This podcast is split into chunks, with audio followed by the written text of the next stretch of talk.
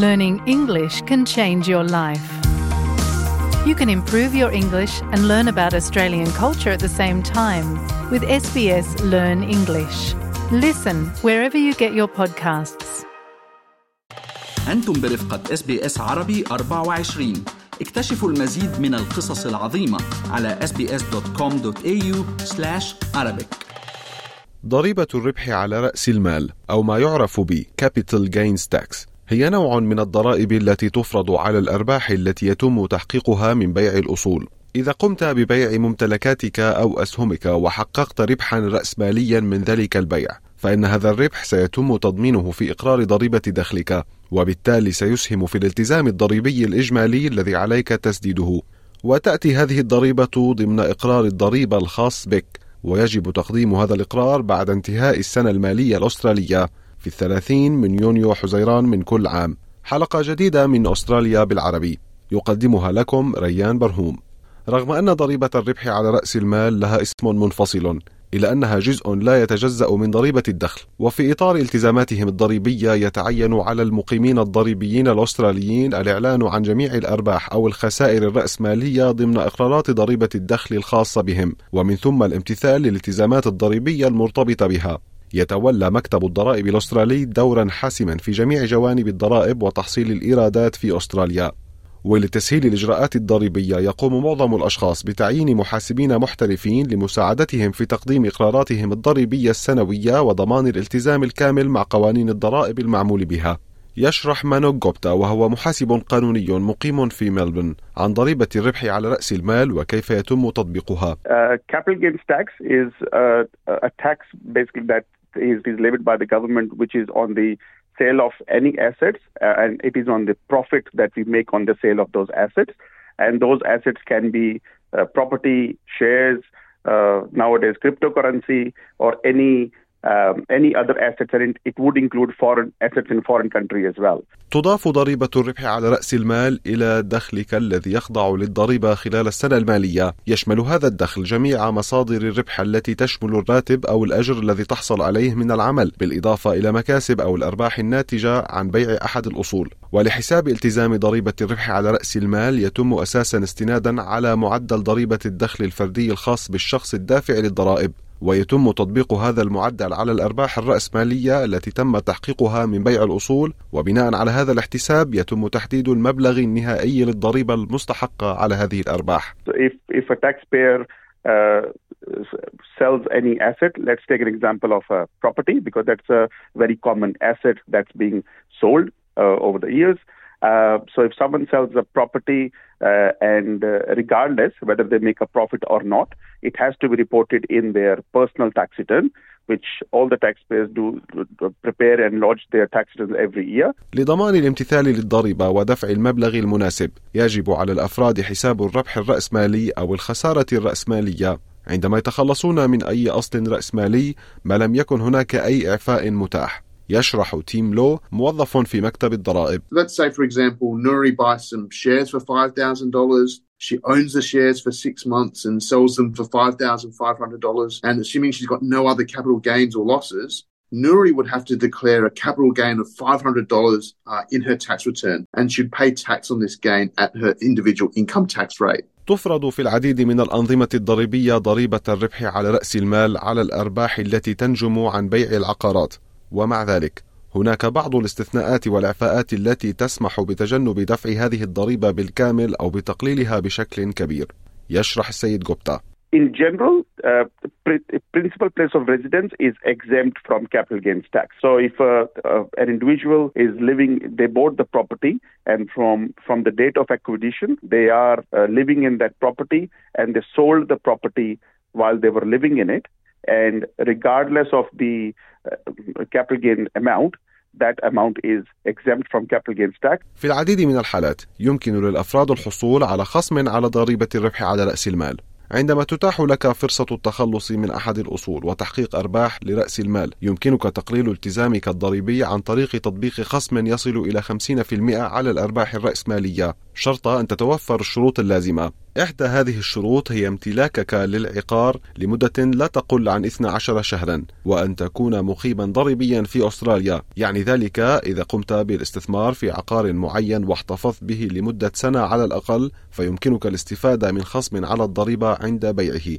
ومع ذلك يجب على الأفراد أن يكونوا حذرين ويلتزمون بالقوانين الضريبية بدقة. حيث يمكن لمكتب الضرائب الأسترالي تطبيق مخالفات في الحالات التي يتم فيها محاولة التهرب من دفع ضريبة الربح على رأس المال. يشرح السيد لو كيف يستخدم مكتب الضرائب الأسترالي ترتيبات مطابقة البيانات لمراقبة السلوك المالي المشبوه وضريبة الربح على رأس المال التي لم يتم الإبلاغ عنها بشكل صحيح. To ensure that people are doing the right thing, we'll receive income data and other data from a range of organizations such as banks, you know, state revenue offices, land title offices, you know, insurance companies, share registries. Uh, we even get information from uh, sharing economy platforms like Uber and Airbnb to make sure people uh, are, are complying with their obligations in relation to their tax affairs. يمكن أن تطبق مخالفات كبيرة إذا لم يقم المقيم الضريبي بالإعلان عن مكاسب رأسمالية في إقراراته الضريبية. So if you're un unsure if you need to pay capital gains tax or have made a mistake with your lodgement, um, it's really important that you reach out to us at the ATO or speak to a registered tax agent. Um, it's really important to know that you know we're not out to get you at the ATO. Uh, we really want to. Uh, we're really here to support you. Uh, get it right the first time. Uh. لا يمكن تجاهل أهمية الامتثال الضريبي. إذا قام أحد الأفراد بالتهرب من دفع ضريبة الربح على رأس المال، سيترتب عليه عواقب قانونية ومالية جادة. تحسب عقوبات التهرب الضريبي بناء على النقص الضريبي الذي ينجم عن عدم الامتثال، وتعتمد على سلوك المكلف الفردي. تتنوع نسبة العقوبات التي يمكن فرضها على المكلفين بناء على عدة عوامل منها درجة خطورة التهرب الضريبي وتنظيمه الضريبي السابق علاوة على ذلك يمكن لمكتب الضرائب الأسترالي فرض فوائد إضافية على النقص الضريبي في بعض الحالات ويشير لو إلى أن نسبة العقوبة يمكن أن تتراوح بين 25 وال 100% من العجز الضريبي الذي نجم عن التهرب If you are engaging in tax evasion, the penalties can be significant. It really depends on the type of behavior that you're engaging in. Now, if you've made an honest mistake, um, the penalties aren't going to be significant.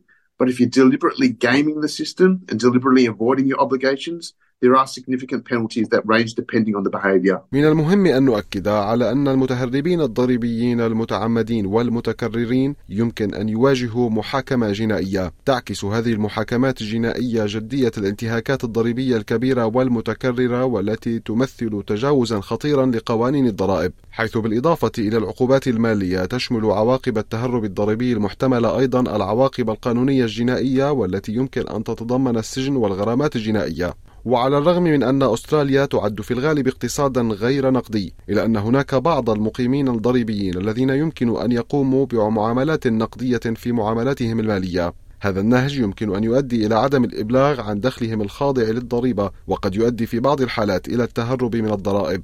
ومع ذلك يجب أن نلاحظ أن هذا السلوك نادر للغاية عندما يتعلق الأمر ببيع أصول ضريبة الربح على رأس المال. مثل العقارات أو الأسهم يشرح السيد جوبتا In Australia, it's very unlikely that anything could happen in cash because all of the transactions, I would say not majority, but all of the transactions would happen through the bank and everything will happen as a bank transaction rather than a cash transaction. يمكن للأشخاص الذين يواجهون اتهامات بالتهرب الضريبي أو الذين يختلفون مع قرار مكتب الضرائب الأسترالي أن يتقدموا بطلب استئناف هذا الإجراء يتيح للمكلفين فرصة طلب مراجعة للقرارات الضريبية وتعديلها إذا كانوا يعتقدون أن هناك خطأ تم في القرار أو إذا كانوا غير موافقين عليه. وإذا وافق مكتب الضرائب الأسترالي على الاستئناف يمكن أن يتم تخفيض العقوبة المفروضة على المكلف أو حتى التنازل عنها تماما في حالات معينة. هذا التخفيض أو التنازل يعتمد على التفاوض والظروف الفردية لكل حالة. Uh, typically, you need to um, object to your assessment uh, or your tax return, as in in colloquial terms, uh, and and go through that process uh, to uh, appeal against the penalty or the tax liability at hand. يؤكد السيد لو بشدة على أهمية الالتزام بجميع الالتزامات الضريبية بما في ذلك ضريبة الربح على رأس المال. يلعب هذا الالتزام دورا حيويا في دعم مجتمعنا وضمان استدامة الخدمات والمشاريع العامة التي نستفيد منها جميعا. You know, when you don't pay uh, your taxes, you know, each of us suffer. Um, it means our schools and hospitals don't get as much funding, uh, which means less teachers and less doctors and nurses for the Australian community. على الرغم من التصور الشائع الذي يقول أن الدفع الضريبي يكون فقط عند تحقيق الأرباح إلا أنه في بعض الحالات يمكن أن يكون مستحق الدفع حتى عند وجود خسارة ويعرف ذلك بخسارة رأس المال. على سبيل المثال باع مستشار تكنولوجيا المعلومات الأسترالي السيد سوبرمانيا ممتلكاته الاستثمارية بخسارة لكن كان عليه دفع ضريبة الربح على رأس المال على الخسارة الناتجة عن بيع تلك الممتلكات. لنستمع إلى السيد سوبرمانيا وهو يشرح الظروف التي أدت إلى هذا الوضع وكيف تم التعامل معه. So we had a had an investment property in uh, Tassie. We bought it for four hundred and then we lived in it for a couple of years before moving up to uh, Brisbane. You know, we rented it out for a few years. After which we decided to sell it, and it had gone down uh, to three hundred and eighty thousand from four twenty. Uh, when we launched our returns for that year, the ADO came back and said, uh, "Oh, uh, you have a capital gain." يمكن أن يكون دفع الضريبة عند وجود خسارة مفاجئا للكثير من الأشخاص ويحدث عندما يتعين دفع مصروفات على عقار استثماري حتى في حالة الخسارة. هذا الأمر يعكس قوانين ضريبة الربح على رأس المال في أستراليا وكيفية تطبيقها. يشرح السيد سوبرمانيا بالتفصيل كيف حدث هذا الوضع بالنسبة له والظروف التي أدت إلى تقديم مصروفات على العقار الاستثماري على الرغم من وجود خسارة في الصفقة. What had technically happened that on paper we were claiming deductions for the investment property, like depreciation and the other expenses and the maintenance of the property, the rates, which had pushed the uh, price on the books uh, for the ATO down to $355,000. So they were saying that there is now a capital gain of $25,000 on which we had to pay a tax of like $3,000, $4,000. يطلب من الأفراد والشركات تقديم الإقرار الضريبي عن كل سنة مالية والتي تمتد من الأول من يوليو تموز إلى الثلاثين من يونيو حزيران إذا كنت بحاجة إلى إكمال الإقرار الضريبي فيجب عليك تقديمه بنفسك أو بمساعدة وكيل ضرائب معتمد بحلول الواحد والثلاثين من أكتوبر تشرين الأول. ويمكن العثور على معلومات مفيدة حول جميع المواضيع المتعلقة بالضرائب على موقع مكتب الضرائب الأسترالي www.ato.gov.au والذي يقدم هذه المعلومات ب 36 لغة مختلفة. استمعوا إلى آخر إصدارات SBS عربي 24 على جميع منصات البودكاست. تابعوا بودكاست الهوية في موسمه الثاني الذي يروي قصصا واقعية تعكس تحديات الانتماء التي يواجهها الشباب العربي في أستراليا.